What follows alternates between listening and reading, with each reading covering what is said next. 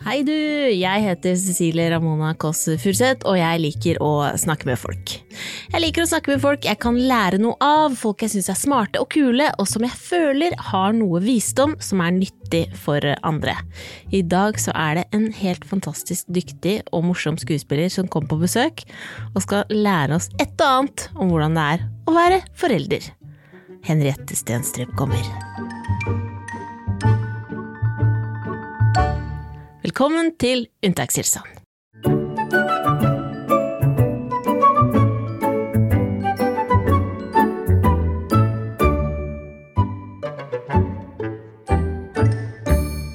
Velkommen, Henriette Stenstrup! Juhu! Tusen, tusen takk. Hvor mange barn har du? Jeg har to barn som jeg har fått selv, og så har jeg tre bonusbarn, og to av de er voksne, og en av de er mellom mine. Så jeg vil si jeg har øh, tre og to pluss fem pluss null, og ja, det er litt sånn moderne familie. Sånn kjempegjeng. Kjempegjeng. Og husker du, for det er veldig mange som hører på nå, som sitter sånn, eller som er i mammaperm, Ja. og som har veldig små babyer, sitter med en sånn liten klump eh, Ja. i hendene. Kanskje de ammer og hører på nå, eller har noe sov, sovende baby oppå seg. Husker du hvordan det var i din egen sånn barseltid? Ja, jeg husker det ganske godt. Jeg husker at jeg var ikke så god til å ha barselpermisjon.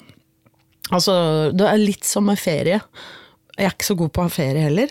Uh, og jeg liksom, uh, med førstebarnet så satt jeg og så på den ungen og tenkte sånn Skal, du, ikke, skal du ikke begynne å levere snart? Jeg- burde ikke du snakke For det var bare soving og spising og bæsjing. Ja. Så jeg tenkte at jeg kanskje skulle bidra Altså Jeg var redd for utvikling og sånn allerede der. da. Så hvis jeg hadde visst det jeg vet nå, så hadde jeg, ikke- hadde jeg vært litt, kost meg litt mer med det, tror jeg. Ja. Men det er litt vanskelig å kose seg med det, fordi det er det som slår inn når man får barn, er jo at man øh, rett, Hvis man ikke hadde litt angst fra før av, så får man det jo da. Fordi man øh, innser at man rett og slett er ansvarlig for at øh, andre mennesker, de små, skal overleve dagen. Roer det seg? Eh, Det roer seg litt, men ikke helt. Fordi eh, det er fortsatt sånn for meg at jeg ser for meg ulykker, eh, kriminelle handlinger og ting som kan skje hvis ungene mine Jeg vil jo veldig gjerne at de skal slippe seg fri, og det gjør de nå, begge to. De er liksom på egen hånd og tar T-baner og henger med gutta, drar og spiller minigolf og sykler hit og dit og er sånn liksom akkurat sånn man vil at barn skal bli. At de skal rive seg løs. Men jeg klarer Jeg står sånn og roper sånn Du må ha på hjelm! Og eh, alle disse tingene. Og lurer på om de har på seg nok klær, og om det skal regne og Ja, nei, det slipper ikke helt, ass. jeg, klarer ikke å, jeg klarer ikke å se for meg at de en dag skal gjøre noen ting alene. Nei. Og når datteren min var tre måneder, så satt jeg og gråt i fire dager, for jeg tenkte på at hun skulle flytte ut. Ja. Så det, man, det skjer jo noe med deg når du får barn. Hvis ikke du er psykopat, da. Så, så gjør du jo det. Så man, men, men det som selvfølgelig er spesielt med barsel og de første årene, det er jo at de faktisk på ekte kan falle ned steder, og de får jo litt bedre koordinasjon og opplevelse av trafikk eh, etter hvert. Så det, det kan man huske på. Um, liksom trøste seg med. Men eh, det er jo veldig veldig sånn overveldende å få det der ansvaret helt i starten der. Men hvordan klarer du å stole på at de gjør alt de skal og sånn? Eh, nei. Nei. Det kan du ikke stole på. Det tror Nei. jeg ikke du kan stole på når de er 25 eller dessverre. Sånn, eh, så det er jo en evig Så egentlig, og det er det jeg begynner å tenke på som stresser meg veldig, at det også er mitt ansvar, sånn at for at de skal være ordentlige folk som klarer å gjøre ting og oppføre seg pent, Ja. så er det også, hvis de ikke klarer det, så er det også min feil. ja. Nei, For det er jeg ikke. skal lære de det. Ja, Og men andre, det, da. det jeg lurer litt på, som er Moren min sa eh, en eller annen gang, eller har kanskje sagt det mange ganger siden jeg husker det, at det er ikke så viktig hvordan de oppfører seg hjemme, bare de oppfører seg bra ute. Og det føler jeg er litt sånn sant, da. Fordi det har jeg jo lært litt av å jobbe med Pernie, og at, uh, ikke sant? Eh, Hun sier jo til og med det i første sesongen Pernie, at liksom, trygge barn er ikke noen søte eh, og Nei, er snille og forsiktige hjemme. hjemme. Mm. Ja, de er grusomme hjemme. Men uh, så, Og nå snakker vi jo ikke om null til fire, fordi stakkar, de, de skal jo ikke kunne spise med kniv og gaffel og si tusen takk for maten. Men et, oppi der så bør, er det jo veldig hyggelig hvis de sier hei, for eksempel. Ja, det har nesten vært det mest sentrale for meg. At liksom, fordi man får jo barn på besøk også som ikke sier hei og ha det og eh, svarer på spørsmål og sånn, og det ønsker man seg jo. Det ønsker man man seg. blir så glad når man treffer barn som er sånn Oi, dette var en flott kyllingsuppe. Altså, det er jo nesten sånn man liksom må gå bak en dør og gråte fordi de er så snille. Vi hadde en fireåring som eh, kom og spiste middag hos oss. Ja. Og så satt vi ute på plattingen, og så sa han sånn For en flott platting dere har. Og da tenkte jeg sånn Åh, Han kan komme ofte! Han kan komme komme. Så koselig dere har det. Og det var sånn, oi, oi, oi, oi. Ja, men det er jo fantastisk. Men eh, Og så er det jo noe med kanskje det som er litt sånn betryggende, da. For jeg føler at jeg har barn som eh, når folk møter dem, så tenker de at de er veldig kule barn. Og jeg òg syns jo selvfølgelig at jeg har veldig Ja, kule barn. ja. Men da tenker jeg sånn, ok, det er ikke nødvendigvis bare det jeg sier til dem, men også at jeg er en person som er ganske god til å snakke med folk og sier hei og takk for maten. Det gjør at det er no, de plukker opp noe. Selv om det ligger sandwichpapir i sofaen hele tiden, og Ja. du tar is uten å spørre, så er det liksom Det er noe som plukkes opp på veien der. Og jeg så, dette er veldig løst, det er sånn jeg pleier å sitere forskning og sånn, altså det, man må dobbeltsjekke det hvis jeg Ja, ja. siterer det. Jo, men siter men jeg så, et, eh, jeg så det på Instagram da, en Ja, ja. dame som fortalte om forskning som viste at barn var liksom 800% verre i oppførsel mot mora si enn alle andre. Ja, det tror jeg er sant. Det tror jeg er sant. Men det er også fordi kanskje det er De den de er tryggest på. De er tryggest og kan vise alle følelsene sine. Ja. Så det er jo litt vakkert òg, men det er litt føles, kan føles litt urettferdig, fordi Å ja, men jeg husker det litt selv, for jeg var liten og du? Jeg husker veldig godt en middag pappa lagde som var sånn uh, soppstuing og fondy, eller sånt. Som er sånn er legenda ja, veldig rar blanding, men det var liksom legendarisk, og den husker jeg. Men det er jo òg fordi moren min sikkert lagde alle de andre middagene, og de husker jeg ingenting av. Nei. Så er det litt sånn urettferdig. Um, og et par andre ting også som man liksom tenker sånn Det her tror jeg ikke faren får høre, på en måte. Men jeg tenker at det er eh, en gave òg, da. Og så, så lenge de ikke liksom er slemme. Altså Men um, men jeg, jeg husker jo, for å komme tilbake til spørsmålet ditt, yeah. barseltid som en liksom blandet opplevelse. Veldig mye følelser, og veldig eh, liksom gøy å, å ta de med ut i verden, liksom. Og det er jo også litt sånn eh, at jeg liksom ble litt rastløs av det. Det var ikke sånn at jeg plutselig ble en et, det var kanskje det jeg trodde. Jeg tenkte at når jeg skulle få barn, så ble, da får jeg de egenskapene jeg mangler. Jeg får tålmodighet. Jeg blir en veldig sånn rolig person med ikke noe indre uro. eh, ikke noe sånn. Eh, men det ble jeg ikke. For jeg var akkurat den samme. sånn. men så er det jo noen ting som er Som man liksom lærer av barn, og at selv om man gjør tusen sånne feil og altså det er jo helt forferdelig de gangene man har vært sinna eksempel på en toåring, eller på en fireåring, men det skjer jo med alle. Fordi man bare mister det og at badekaret blir fullt, akkurat sånn som med barn som har helt Man blir jo liksom barn i følelsene sine hvis, hvis man er pressa. Eh, men det jeg har lært da, av forskning, og yeah. siden vi yeah. er eller psykologer òg, yeah. er jo du kan gjøre veldig mange feil hvis du er god på reparasjon. Ja, du må reparere! Det er reparasjon. Det jeg også hadde en episode med en psykolog som, sa, eh, som snakket om det, at hvis du er liksom god på å krangle og reparere, så får du også enda bedre relasjoner. Og det er også eh, for barn, hvis barn ser at du er god på å krangle og reparere, så gjør det også heller ikke noe for barna å se. Nei. Måtte, at det krangles. Nei. Istedenfor at det ropes og bebreides, liksom. Men at Ja, man blir god på å krangle. krangle. iskald taushet etterpå. Nei, Ja. det er noe med det. Um, og det, det akkurat det føler jeg faktisk mine barn Nå er jo de tenåringer, på en måte, begge to. Uh, eller alle tre. Fordi jeg har en, ti, en tre, føler jeg. Så er det mm, Som jeg ikke har født, da, sjøl. Så er jo liksom det noe av det som er litt fint å se. At de uh, Hvis det er noe, så hender det nå at de er gode på reparasjon, de òg. At de kommer og sier sånn 'Det ble dumt, det der i stad'. Selv om det er selvfølgelig den voksne som skal si det først. Ja. Men at de òg liksom klarer å og, Eller med vennene sine, da. Ikke sant? At hvis det skjer noe dumt, eh, så er det liksom aller viktigste er å anerkjenne at det ble dumt, og så prøve å fikse det, liksom. Hvis du som hører på nå hører litt rasling, så er det Henriette som, Som har leter en etter snusen sin. Som, Vil du ha en av meg? Ja, takk. Ja. Det var tungt der. Ja. ja, men eh, takk skal du ha, altså. Litt sånn lax mor, dette. Det er snus, og det er Men du, fordi du skrev jo en gang eh, en håndbok for dvaske småbarnsmødre. Ja. Føles det veldig lenge siden nå?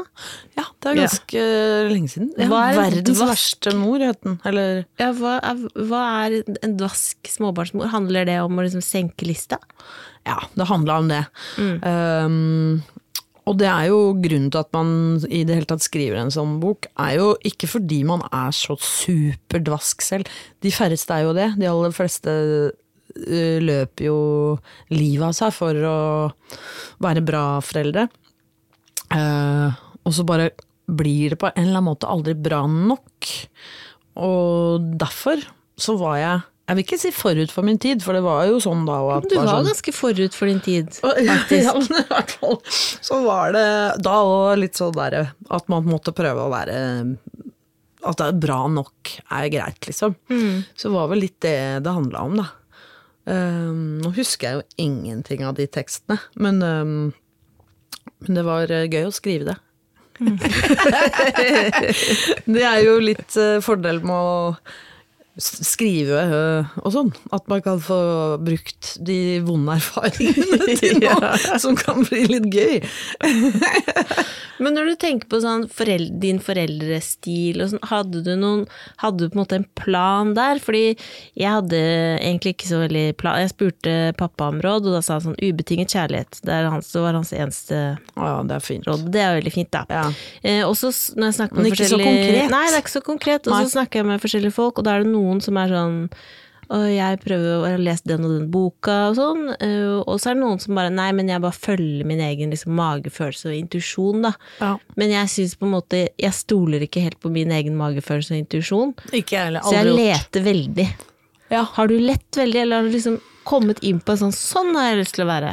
Mm, jeg tror jeg, jeg var også lett veldig og lest masse bøker og så forandrer det seg jo hele tiden nå, de der eh, rådene man får, på en måte. Så det er litt sånn Men jeg tror at jeg har liksom ønsket å være det som alltid blir liksom holdt opp som en eh, som en sånn eh, beste å være, er å være firm but affection. Altså at du er tydelig, Ja. ikke sint, men liksom tydelig og uh, mye kjærlighet. Men jeg har jo aldri vært spesielt tydelig, så det henger litt sammen. Det er jo sånn, Du forandrer jo ikke personlighet selv om du blir forelder. Så eh, det, det har jeg litt dårlig samvittighet for, at jeg tror jeg ikke har klart å være så tydelig. At jeg kan nok istedenfor å si sånn Jeg har lyst til at du skal ta på deg sko nå. Ehm, jeg ser at du sliter med det, men det er det jeg ønsker meg. Og det kommer vi til å bruke nå de neste 45 minuttene på. Så har jeg liksom eh, sagt sånn Skal vi prøve å få på skoene, da, mon tro? Eller Og så hell, liksom kanskje Mista det fordi vi får dårlig tid, eller et eller annet sånt noe. Eh, Så jeg har ikke klart å være helt sånn eh, fast, bestemt, men kjærlig. Jeg har vært veldig kjærlig, tror jeg. Og så tror jeg nå har jeg liksom Jeg har ikke gitt opp, men jeg, fordi jeg, jeg føler at det har gått Det går liksom ganske bra, selv om man ikke får eh, gjort alt det som Ja, for du, står i boka. har jo Det har jo gått veldig bra. Ja, foreløpig, da. Det kan fortsatt skje masse med dem, for de er jo ikke store ennå. Men ehm, Men jeg tenker, nå har jeg litt sånn derre at jeg tenker sånn ok, eh, nå entrer de i en litt sånn annen fase, hvor de er litt større og driver og utvider horisonten og eh, Og det er kjempefint, det er jo det man ønsker seg. Det er så rart, fordi man liksom Når du har små barn, så vil du jo liksom bare ha en halvtime for deg sjøl. Bare liksom gi meg en time på, i dusjen.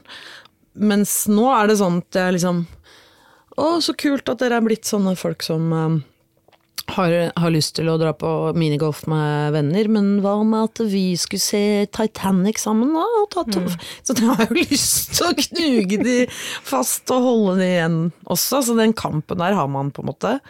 Eh, men jeg blir jo veldig sånn stolt og glad over at de er så selvstendige, da. Jeg vil jo at de skal være det. Ja, men det er som balansegang, fordi nå altså, Ja, det er det eh, Jeg er jo veldig pro i, dette, i denne podkasten, at folk skal få dusje og sånn. Fordi det er jo ingen eh, At man får aldri være alene. Men jeg kjenner nå, som jeg har begynt å komme meg over noen kneiker, at nå har jeg begynt å grue meg til da, eh, at jeg skal være mye alene. Ja. Fordi det er noe veldig Veldig, veldig, veldig koselig med det også. Ja, det er jo det. Det er så mye koselig. Men øh, jeg lurer på Jeg har ikke aldri vært sånn her kjempegod til å være alene, men øh, kanskje det kommer litt sånn med alder nå, at plutselig nå så er det helt topp. Så kanskje det er litt sånn naturlig. Akkurat som barn har sånn øh, stadier, så har voksne det òg. Sånn at det kanskje liksom er naturlig da, når de blir større liksom, og begynner å lukte vondt og kaste skittentøy på gulvet, sånn, så er det sånn ja, ok, men det er, blir trist, men det blir også greit at du skal på folkehøyskole. Hvis du skjønner. Altså, at, at det på en eller annen måte ikke blir så fælt når det skal skje. For da har man liksom vært igjennom en sånn runde hvor nå må du smøre matpakka di sjøl. Men det er en annen ja. ting som jeg ikke har vært god på. Da, at det der med å være tålmodig, som jeg tenker må være liksom en gave for en forelder, det har jo ikke jeg noe av. Og det som det fører til litt, er at jeg ikke alltid er så god til å la de bruke den tida det tar. Så sant, det tar, går mye fortere for meg å smøre de matpakkene uh, enn at de skal smøre de matpakkene sjøl. Sånn at den effektivitetsønsket mitt kommer litt i veien for sånn kvalitetstid med smøring av peanøttsmør. Fordi ting tar veldig lang tid. Det tar veldig lang tid med barn, det, det skal de ha. eh, Jeg driver med noe og prøver å liksom la den eldste liksom hjelpe til og sånn på kjøkkenet. Åh, Ja, Og det jeg, må, jeg må puste. Jeg må puste så dypt. ja, da må man puste litt dypt, altså.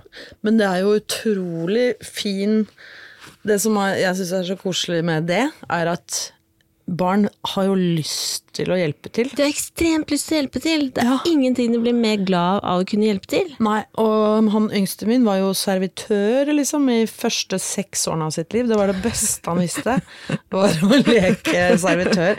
Og det er jo et eller annet med det som er borte nå, men som allikevel henger igjen fordi hvis jeg sier sånn 'kan du ta ut oppvaskmaskinen', så sier han alltid ja.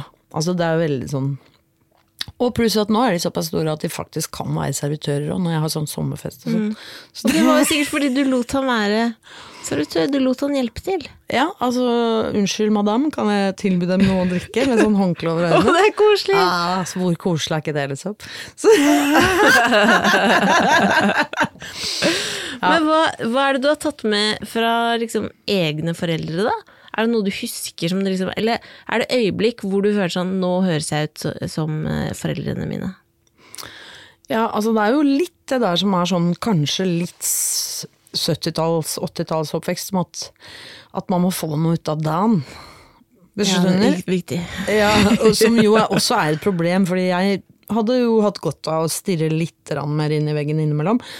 Men liksom hvis jeg sover lenger enn til ni på en søndag, så syns jeg det er eh, litt sånn latskap. Og det tenker jeg litt med ø, unger som også nå er tenåringer. At hvis de liksom ikke har gjort noe før klokka to på en lørdag eller søndag sover de, eh, hvor lenge sover de? For jeg husker en periode at jeg som tenåring at jeg ble vekket klokka to i helgene og sånn. Ja, fordi, og Altså, de er trenger helt- det jo, liksom. Ja, men det er helt sykt. Ja, det er helt sykt. Um, men um, det er ehm, Nei, altså de sover jo i hvert fall til 10-11 og sånn. Og det, da ble jeg stressa. Men nå, de, har, lært- de har lært meg òg at det er eh, en verdi å få sove litt òg, da. Det er det. Så jeg prøver ikke å stresse så mye med det. Men det er verre med sånn altså at man Altså, jeg, jeg får helt sånn fnatta, og det tror jeg mine foreldre hadde. Hvis noen liksom ligger og ser på telefonen sin i mer enn fire timer, da tenker jeg de liksom Nå må det skje noe. De må gjøre et eller annet. Selv om de har fri. Fordi det er på en måte Dette er ikke noe bra. Er Hva liksom- gjør du med det, da? Krangler dere mye om sånne ting? Nei, vi krangler sånn? egentlig litt lite, kanskje litt for lite. Hjemme hos Vi er konfliktsky alle mann. Um, men eh, nei, da sier jeg sånn Jeg lurer på om at grunnen til at du er veldig trøtt nå, er at du ikke har gjort Altså man blir ikke noe mindre sliten av å liksom ligge på sofaen i fem timer. Kanskje du skal ta deg en tur ut, eller høre med en kompis om noen skal Altså, jeg sier sånn, da. Og da gjør de jo det av og til. Ja. Så det er bra. Men jeg tror um, ja, så Foreldrene mine, jeg husker det som at vi gikk, sånn, vi gikk søndagstur hver eneste søndag, og plukka bær på høsten og gikk på ski på vinteren og alle de tingene der. Som, jeg er litt usikker på om vi faktisk gjorde det, men jeg opplever det som om vi gjorde det. At det var søndag var det tur, på en måte, og det gjorde vi i mange år. Nå er jeg ikke så nå, De har jo så mye egne ting, så jeg føler at liksom de må, det er også bra. Um, men jeg eh, holder litt på Jeg syns det er litt trist at vi ikke alltid får til sånn felles middag. For det er ganske, hvis du er sånn stor familie hvor all, ikke alle er der heller hele tiden Jeg har jo barna mine annenhver uke. eh, Og så har vi en som er der hele tiden. Og så, så, så liker jeg liksom at man samles liksom til enten søndagsfrokost eller middager. Og nå er det vanskelig. Jeg har gitt opp litt sånn søndagsfrokost. Fordi noen sover lenge, og noen trenger det, og noen er på cup, eller ikke sant. Men akkurat det med sånn, i hvert fall et felles måltid på en eller annen måte, det er litt hyggelig. Og de gangene vi gjør det, så er det veldig, veldig hyggelig òg. Men det er lett, akkurat nå er det lettere å få til på ferie, liksom. Vi hadde alltid middag klokka fem hver eneste dag, hvor vi tok runden 'hva har du gjort i dag'? Ja, det er kjempebra. Det er og det ser jeg jo fantastisk. verdien av nå, men jeg husker at jeg syntes det var veldig irriterende. Ja. Og det at alltid svaret mitt var sånn. ingenting. Nei, og jeg, har har jo en sånn ting. Jeg er jo gift med en som er le lederutvikler. Ja.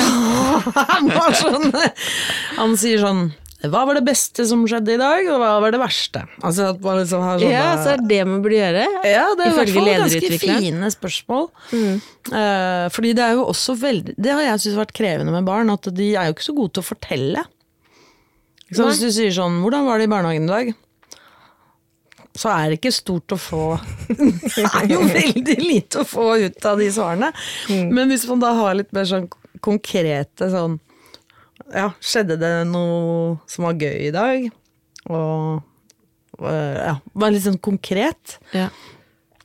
Så uh, var det noen som var greie med deg i dag. Så er det liksom lettere å svare på, kanskje, hvis du er liten. Da, en sånn 'hvordan har du det?' Altså, ja. For det, det driver jo jeg og spør ungene mine om hele tiden, og de bare. Så, ja, jeg får vel ikke alt dette her til, altså. Men det er mm. Men det, og så er det jo det å komme for seint. Det er jo jeg ekstremt streng på. Det er ikke lov. Det er ikke lov. Og så har jeg tenkt at jeg har ikke klart å Det stresset der har jeg ikke klart å overføre på mine egne barn, men nå har de begynt. å bli blir Ja, for du var veldig tidlig ute i dag. Ja, ja, jeg er Så det er ute. din greie. Det er min modus operandi. Mm. Jeg kommer jo gjerne tre timer før til et fly, for eksempel. Presis er for sent. Ja, så Det- alltid tidlig ute. Alltid tidlig ute. Og hvis jeg ikke er det, for det har skjedd, så er det fordi jeg har for mye å gjøre. Klarte for- du det når de var små også? Uh, nei, og det er jo der liksom eh, skjærer seg litt med den, ikke sant. For det, det Jeg klarte det, men det hadde en pris, da. Det Man må kan hende preppe ganske lenge før man Ja. faktisk er ut av døra. Og da, det kan hende at jeg, altså både barna mine og jeg hadde hatt godt av hvis jeg hadde tenkt litt sånn at nei, av og til så må jeg også få lov å ringe og si sånn i dag blir jeg et kvarter forsinka, fordi her har det skåret seg fullstendig. Men det har jeg aldri gjort, det har alltid kommet presis. Men da har jo det kanskje gått på bekostning av at de eh, ikke har eh, kledd på seg sjøl. altså, det har bare blitt bestemt, eller ja. Mm. jeg har arvet veldig Det har funnet ut veldig tydelig nå at jeg har arvet av faren min eh, en slags tvangskosemodus. ja. At jeg blir veldig opptatt av at eh, nå skal alle kose seg. Ja. Og så har jeg tenkt at det høres jo positivt ut, Mhm. Men det har kanskje litt motsatt effekt hvis man sier det med veldig streng tone. Eh, For jeg husker at han kjørte bil og sa sånn Hvis ikke alle koser seg nå, så kjører jeg veien. ja, det er sterkt. Det er sterkt, men jeg blir altså sånn nå Jeg bare vil at altså, Jeg kan bli så opptatt av at alle skal ha det hyggelig. Ja. Eh, og jeg blir veldig skuffa når det ikke skjer. Og det kjenner jeg meg veldig godt igjen i. Og det er jo det som er litt sånn vondt, er at hvis man er flere enn to, det er vanskelig nok da, så er det jo, skal det jo ekstremt mye til for at alle er i samme sinnstilstand, rett og slett. For det kan du ikke kontrollere. Nei, det kan du ikke kontrollere, fordi det er så mye annet. Alle har så mye ting de tenker på, selv små barn, som preger dem på en eller annen måte. Utenfor familien, eller inni, eller en eller annen krenkelse de har vært utsatt for, eller noe som de er flaue over, eller et eller annet. Men jeg kjenner meg veldig godt igjen i det, og jeg har, apropos dårlig samvittighet, av og til hatt sånn à la eh, pappa Furuseth Um, blant annet en sånn ferie vi var på hvor det var sånn all inclusive, men veldig dyrt, altså. Sånn veldig stilig ferie, liksom. Det er veldig dyrt når man er sånn fire personer. Ja, og vi var langt av gårde, og det var buffé og Nugatti hver dag og sånn. Hvor eh, et av barna var så sur, og jeg er så dårlig på sur. Jeg kan tåle lei seg, sint, men sur, liksom. Og jeg satt sånn Nå her er det Nugatti og pannekaker hver dag! Og så to timer senere så finner jeg ut at hun har 40 i feber, ikke sant. At det er liksom Altså, selvfølgelig er hun mutt og sur. Selv om det er uh, juballong og basseng og Nugatti. Så det er jo veldig sånn strengt krav på en måte. Men det er jo sant, grunnen til at du har det sånn, eller vil jeg tro, og jeg òg, er jo at vi er lettpåvirkelige for stemninger.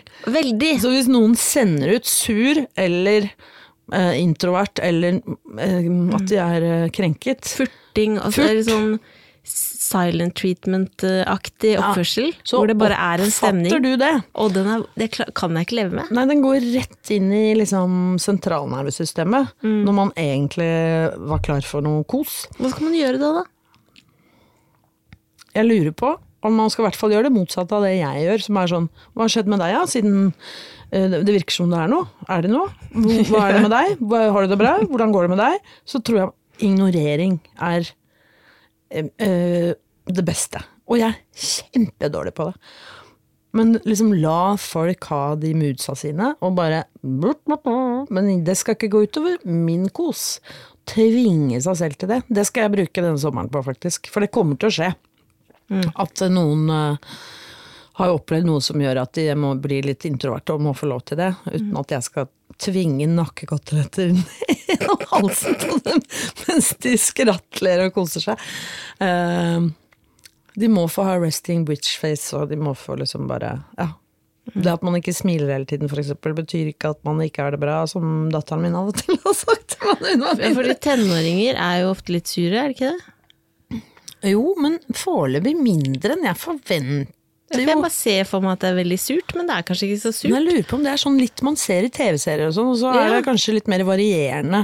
Og periodevis for tenåringer òg, de er like forskjellige som alle andre. Det er deilig å høre det. Ja, men jeg um, Jeg tror de kan være det. Veldig.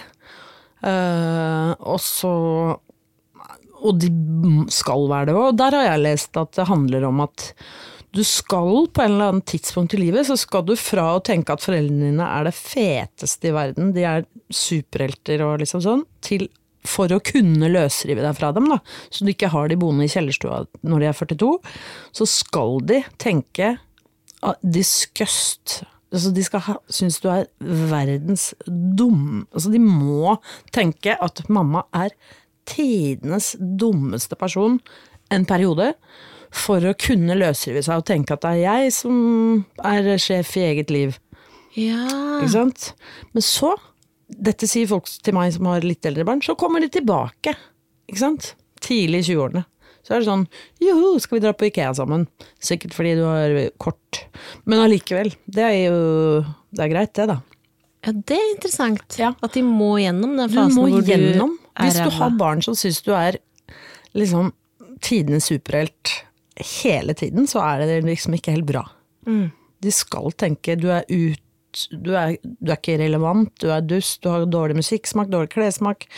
Du sminker deg helt idiot. Du er helt ute å kjøre for at de skal kunne liksom få sin egen Ta plassen sin, da.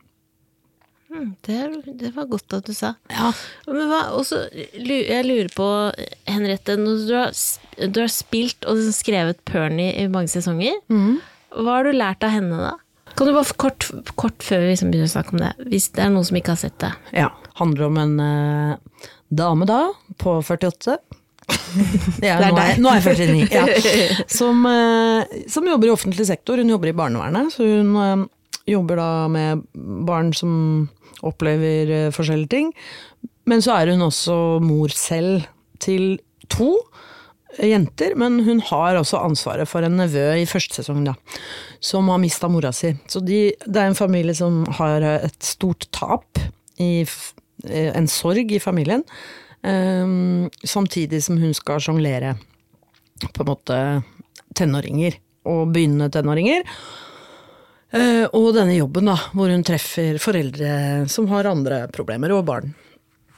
Eh, og så handler det jo om forskjellige ting, men det handler jo veldig mye om å være en familie, da.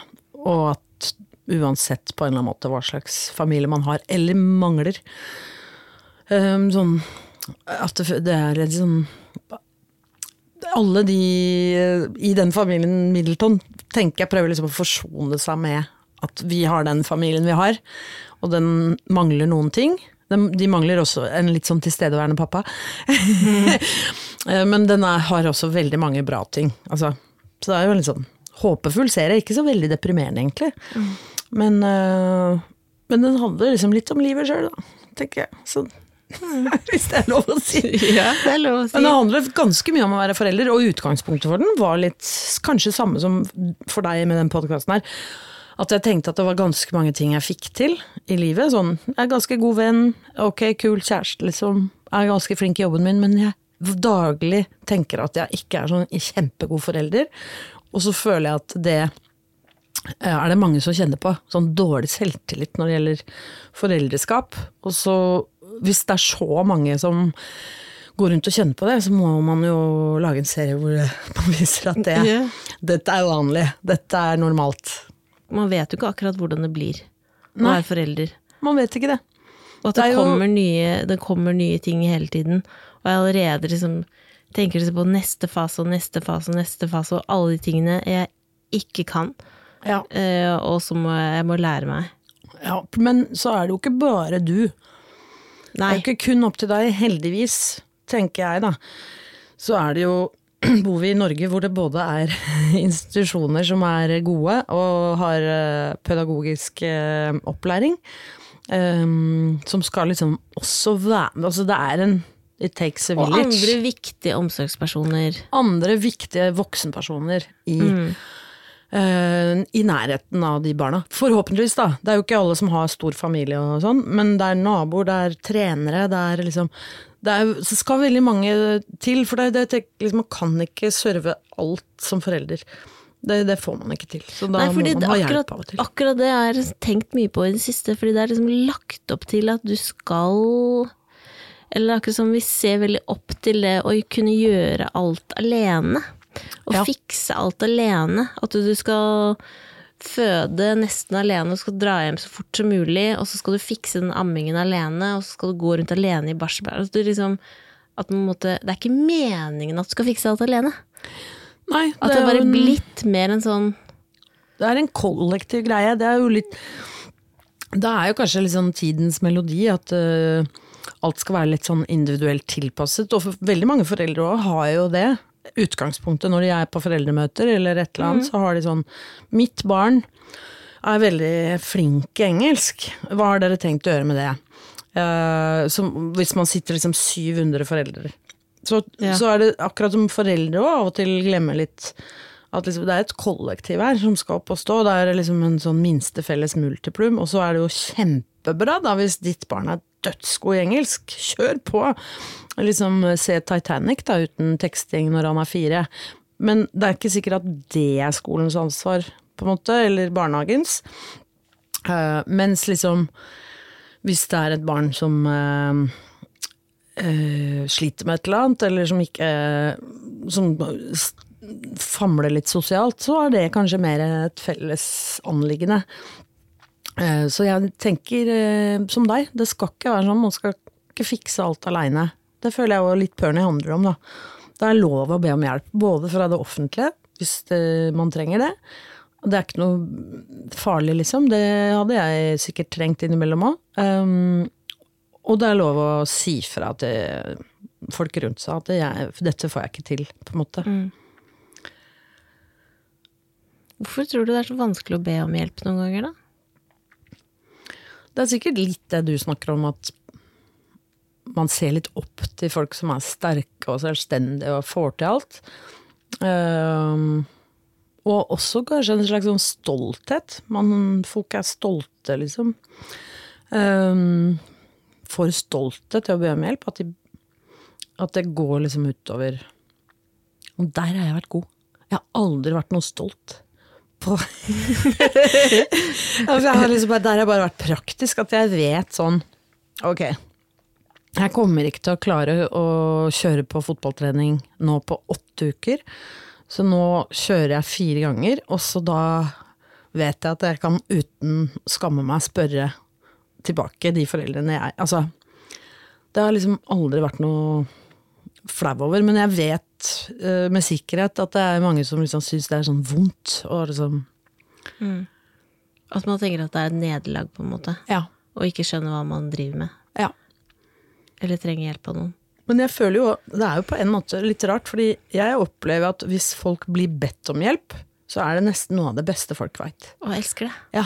Jeg elsker det så hardt. Bortsett fra flytting, det har jeg sluttet å ha Ja, det respekt for. slutte. Ja, jeg har laget noen sånne eventer og sånn, sånn flytting og øl. Ja, ikke sånn, sant? eh, kan du hjelpe og det, boh, det, Det, er, det slutter å være sjarmerende sånn i Ja, det er- kanskje etter 30 eller noe sånt. Ja, det er ikke sjarmerende Ja. lenger. Det er ikke sjarmerende å Nei, da flytte Da må man ha noe profesjonell hjelp. Ja, det Hvis man har råd til det. Men, um, men eh, hvis man liksom sier sånn jeg, jeg får ikke til det her, jeg, jeg trenger hjelp, så føler jeg jo at folk strømmer til. Eller hvis man liksom eh, tar på tak i nabolaget fordi det er noen som har opplevd et eller annet som gjør at de trenger liksom ekstra, så kommer jo folk med lasagne på døren og pizzasnurrer, og det er liksom Kan man komme med lasagne på døren uten at noen har dødd, lurer jeg på. for det eh, Kan man ikke ha litt mer av det? Jo, enig.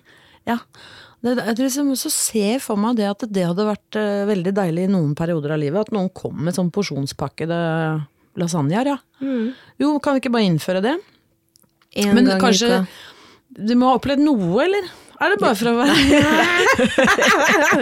Om ikke Få dødsfall. opplevd noe. Ja, eller at det er noe noe. som er litt krevende om dagen. Ja. En liten utredning på BUP eller noe. Liten, litt, litt krevende. Ja. Men generelt, bare heie på det. Eh, også når jeg Dugnaden. får, ja, dugnaden. Også når jeg liksom får mailer av folk som er liksom ensomme og føler at de står i dette alene og sånn. Ja. At da må vi også eh, Det er ikke bare Alle rundt også. Kan vi være litt mer masete på hverandre? Ja, der er nok vi ikke Men det er jo også fordi, det tenker jeg sånn, i USA så tror jeg at det er sånn, ikke sant, med en gang det er på sosiale medier en sånn Oh, we need some splice på et eller annet sånn, så, Ja. så er det ganske mye trøkk på det, fordi de har null velferdssystem. De har ikke noe De har ikke noe trygghet, så de har litt mer den nabolagsfølelsen. nabolagsfølelsen, at de skjønner Det er jo sånn eldgammelt at liksom uh, menneskene er på en måte individer som skjønner at de trenger fellesskap. De liksom eh, vet at jeg klarer meg ikke aleine. Sånn at mm, i kulturer hvor det ikke er sånn veldig bra velferdssystem, da, som det er tross alt her, så tror jeg liksom at man veit sånn Ok, nå er den naboen har mista jobben, så da må vi liksom sånn. Og Ja. så vet de at når dette skjer meg, hvis dette skjer meg, så kommer det til å skje andre veien. Mens vi trenger jo på en måte ikke det på samme måten, for vi har en velferdsstat, og vi har liksom at det offentlige skal ordne opp og sånn. Men det offentlige skal jo heller ikke ordne opp i absolutt alt. Så vi må få litt den derre lasagnaen på døra. Ja, lasagne. Eller bare eh, en klem, liksom.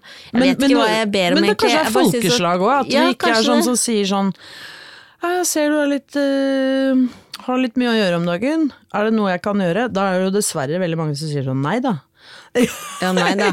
Eller at man blir sur fordi det var sånn Man vet jo hvordan det føles hvis noen sier Du ser sliten du ser sliten ut, og spesielt hvis det er en dag hvor du faktisk føler deg ganske fresh, Ja, liksom. ja, ja, ja. Men man trenger kanskje ikke snakke så mye om utseendet til folk. Ikke så utseende. Bare så eh, 'hvordan går det deg, er det mye om dagen?' Altså, la de få snakke ut og si sånn 'å, det hørtes mye ut'. La meg lage en lasagne, da vel. Ja. Jeg, mitt, min opplevelse av sånn hvis det skjer ting med folk på ekte, eller sånn litt øh, dramatiske Ja. ting, er jo ikke si sånn Si fra hvis det er noe jeg kan gjøre. ja, for det kommer aldri til å si fra. De kommer aldri til å si fra.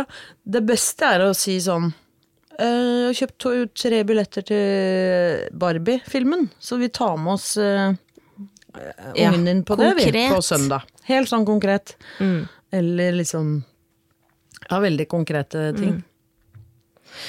Ah, Nå kommer vi inn på dette, dette her, men det var, det var flere ting jeg skulle spørre deg om, Henriette. Ja. Jeg skulle spørre deg om hvor mye det er av uh, Miss Hannigan i Annie. Hvor mye av det er deg? det slemme barnehagestyret. Ja, du vet Det er ikke barnehage, barnehjemstyret. Ja, ja. Um, jeg håper jo ikke det er så mye, men jeg har jo en livlig fantasi. Og jeg tenker det er alt, alle har en mørk side òg. Så jeg tenker at det skal jeg leve ut med mishandlingen, ja. Mm. Altså, man har jo hatt lyst til å, om ikke liksom kaste barn i veggen, i hvert fall gi de rimelig eh, rimelig god beskjed. og, det, og de fantasiene kan man jo leve ut når man eh, spiller eh, verdens ondeste barnehjemsbestyrer. Men jeg tror det som gjør Når man ser sånn, den gamle Annie-filmen, og sånn, så elsker man jo på en måte Miss Hannigan, men det er jo også litt fordi man ser at hun, hun er jo ensom og dypt ulykkelig og Ja. har ikke hatt så bra sjøl. Hun trenger lasagne på døra. Hun trenger liksom litt hjelp hun òg, men det får hun ikke. Så hun har jo bare ikke noe overskudd til å øh, drive omsorg, da. For man skal jo ha litt overskudd for å gjøre oms være omsorgsfull på en eller annen måte. Mm. Og det er jo, det er jo gjenkjennelig som forelder. Absolutt. At du liksom Jeg vet at jeg er en omsorgsarbeider, men jeg har, det badekaret mitt er så fullt nå at jeg har ikke noe å gi, og så mm, må man liksom ha, gjøre det likevel, og så blir det kanskje ikke alltid helt supert. Og så blir det alltid bedre. Ja. Det blir alltid bedre. I hvert fall alltid annerledes. Ja. Og ting forandrer seg. Det er jo veldig sånn Det sier jo alle når du får barn sånn Ja, men det der kommer ikke til å vare, eller det med soving, eller ikke sant, det der kommer ikke til å vare for alltid og sånn. Men du opplever jo der og da at Er det sånn her det skal være? For alltid skal jeg aldri, aldri, aldri sove igjen i hele livet, eller ikke sant. Man kan jo bli nuts. Men så er det jo sant, da, det de sier som har gått foran sånn. Det kommer til å forandre seg. Og jeg syns også det er fint med de som sier sånn eh, Det er fortsatt kaos, men det er en annen type kaos. Ja. Og det er, sånn, det er bra, det jeg gleder meg til en annen type kaos enn Men det det som kaoset jeg kanskje ikke er så kult å si til småbarnsforeldre, er små barn, små problemer, store barn, store problemer. Ah, Så det skal jeg ikke si. det skal du ikke si. Nei. Og det mener du ikke heller. Nei, det er klart. Du, det er jo andre er typer andre bekymringer. Du tenker liksom på voksenbekymringer. Altså Ja. om de, når de skal begynne å drikke, og de skal, at de skal oppleve fæle ting. Ikke sant? Uff, tenk, jeg begynner også å tenke på sånn der Jeg husker at uh, pappa spurte om jeg gikk på p-piller og sånn da jeg var sånn eh, 15. Og tenk at sånne samtaler må jeg ha en gang. Ja ja, det må du ha. Oh. Og jeg har lært av en øhm, gynekolog. Ja. Som også er forelder. Men hun er jo selvfølgelig også gynekolog som forelder. Men hun sa på en måte det, så det har jeg tatt med meg, faktisk. Så ikke begynn å snakke om prevensjon når barna er 15, for da vil de jo ikke vite av det. Ja, ja, altfor seint! Du må begynne når de er sju, fem. Altså, snakk Ja. om det. For da er det sånn Ja, da lager du både selvfølgelig et rom hvor det er lov å snakke om, før de er sånn syns at du er helt disgusting. Men uh, det er ikke noe ta... Altså, og det er mye lettere også, da, å snakke med en sjuåring om det enn en 15-åring. Altså, 15-åring må jo kanskje ja. ta det da også. Men, men at du har begynt den samtalen om uh, alt som skjer med deg liksom, når du blir tenåring, før de blir det. Ta det tidlig. Ta det tidlig. Ta det tidlig. Mulig din eldste alder Du, trenger, du kan vente et par år. Ja, jeg tror ikke at det er, eh, Det er, ikke, det det er mange inn. siden Du må er noe språkforståelse. ja, det er liksom, Akkurat nå er det steiner og pinner som er fokus. Ja. Det Det er jo veldig koselig, da. veldig konkret. Steiner og pinner, å så søtt. Savner du steiner og pinner-fasen? Ja, det er en veldig søt fase. Mm. Det er altså så Jeg gleder meg til å bli bestemor, jeg nå. Det Å, tenk så koselig det blir. Jeg håper det blir en stund til, da, men jeg har jo noen bonusbarn som er i 20-åra, så der kan jeg jo ha bli sånn sted, da. På tampen, eh, Henriette, Mm. skulle gi et råd til de som, foreldrene som hører på nå. Ja. Skriv ned de gøye tingene som barna gjør, og de dumme. Det har ikke jeg gjort, og det angrer jeg på. Ah, Bare lag en sånn bitte liten, ikke mye, sånn én setning, liksom. To ganger i uka, hvis det er noe. Altså bare lag en egen bok om det. det er en gøyal idé. Ja, det er en gøy idé. Og jeg visste det. Det var noen som sa det til meg, men jeg bare fikk ikke gjort det. Å, det skal jeg gjøre. Ja. Og så må jeg bare spørre deg om, fordi jeg syns det er veldig imponerende eh, at du drar fluefisker eh, med din nye herre. Sånn, han er ikke sånn ny lenger nå, da, Nei, men eh, hvordan beholde harmonisk parforhold mens man går med sånne lange bukser og fluefisker i vann? Jeg tror det er sånn helt, helt ned på sånn eh, Det som alle sier, men som ingen får til, men man må bare gjøre det, det er å ha tid til det. Å ha altså, sett at det er sånn Husk å passe på parforholdet. Ja, faktisk. Altså, beklager, jeg ser at du er lei deg, men eh, mor og far skal gå tur eh, til Ullevålseter nå. Altså at man gjør, om ikke liksom det er sånn Det trenger ikke å være en uke til Paris, hvis du skjønner, men bare sånn noen timer. At man går på date innimellom og at man gjør eh, gøye ting som var gøy i starten, og som Ja, at man er kjærester, liksom. Ja, det, er jo ikke mitt råd, altså. Jeg tror det er veldig sånn Nei, men det høres Allment. veldig allment og fint ut.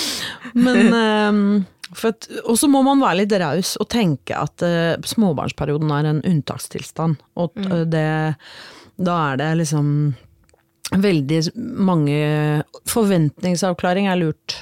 Ikke sant? Hvis det er sånn Nå er det fire uker hvor jeg bare må jobbe og så vidt lese god natt. Men, så da kommer ikke jeg til å levere så veldig på en, verken laken eller på datingfronten eller hva som helst. Um, så må man liksom avklart det.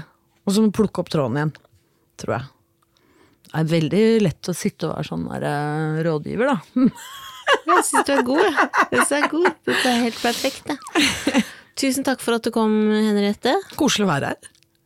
Du er kul. Du er kul. Takk. Ha det. Ha det! Jeg er tilbake igjen neste uke. I mellomtida så vil jeg gjerne høre fra deg. Unntakstilstand at anti.as, eller snakk med meg på Instagram. Og du, hvis du har noen sånne drømmegjester du vil at jeg skal ha på besøk, så er det faktisk bare å sende meg forslag, altså. Eh, Jeg elsker å høre fra dere. Klem!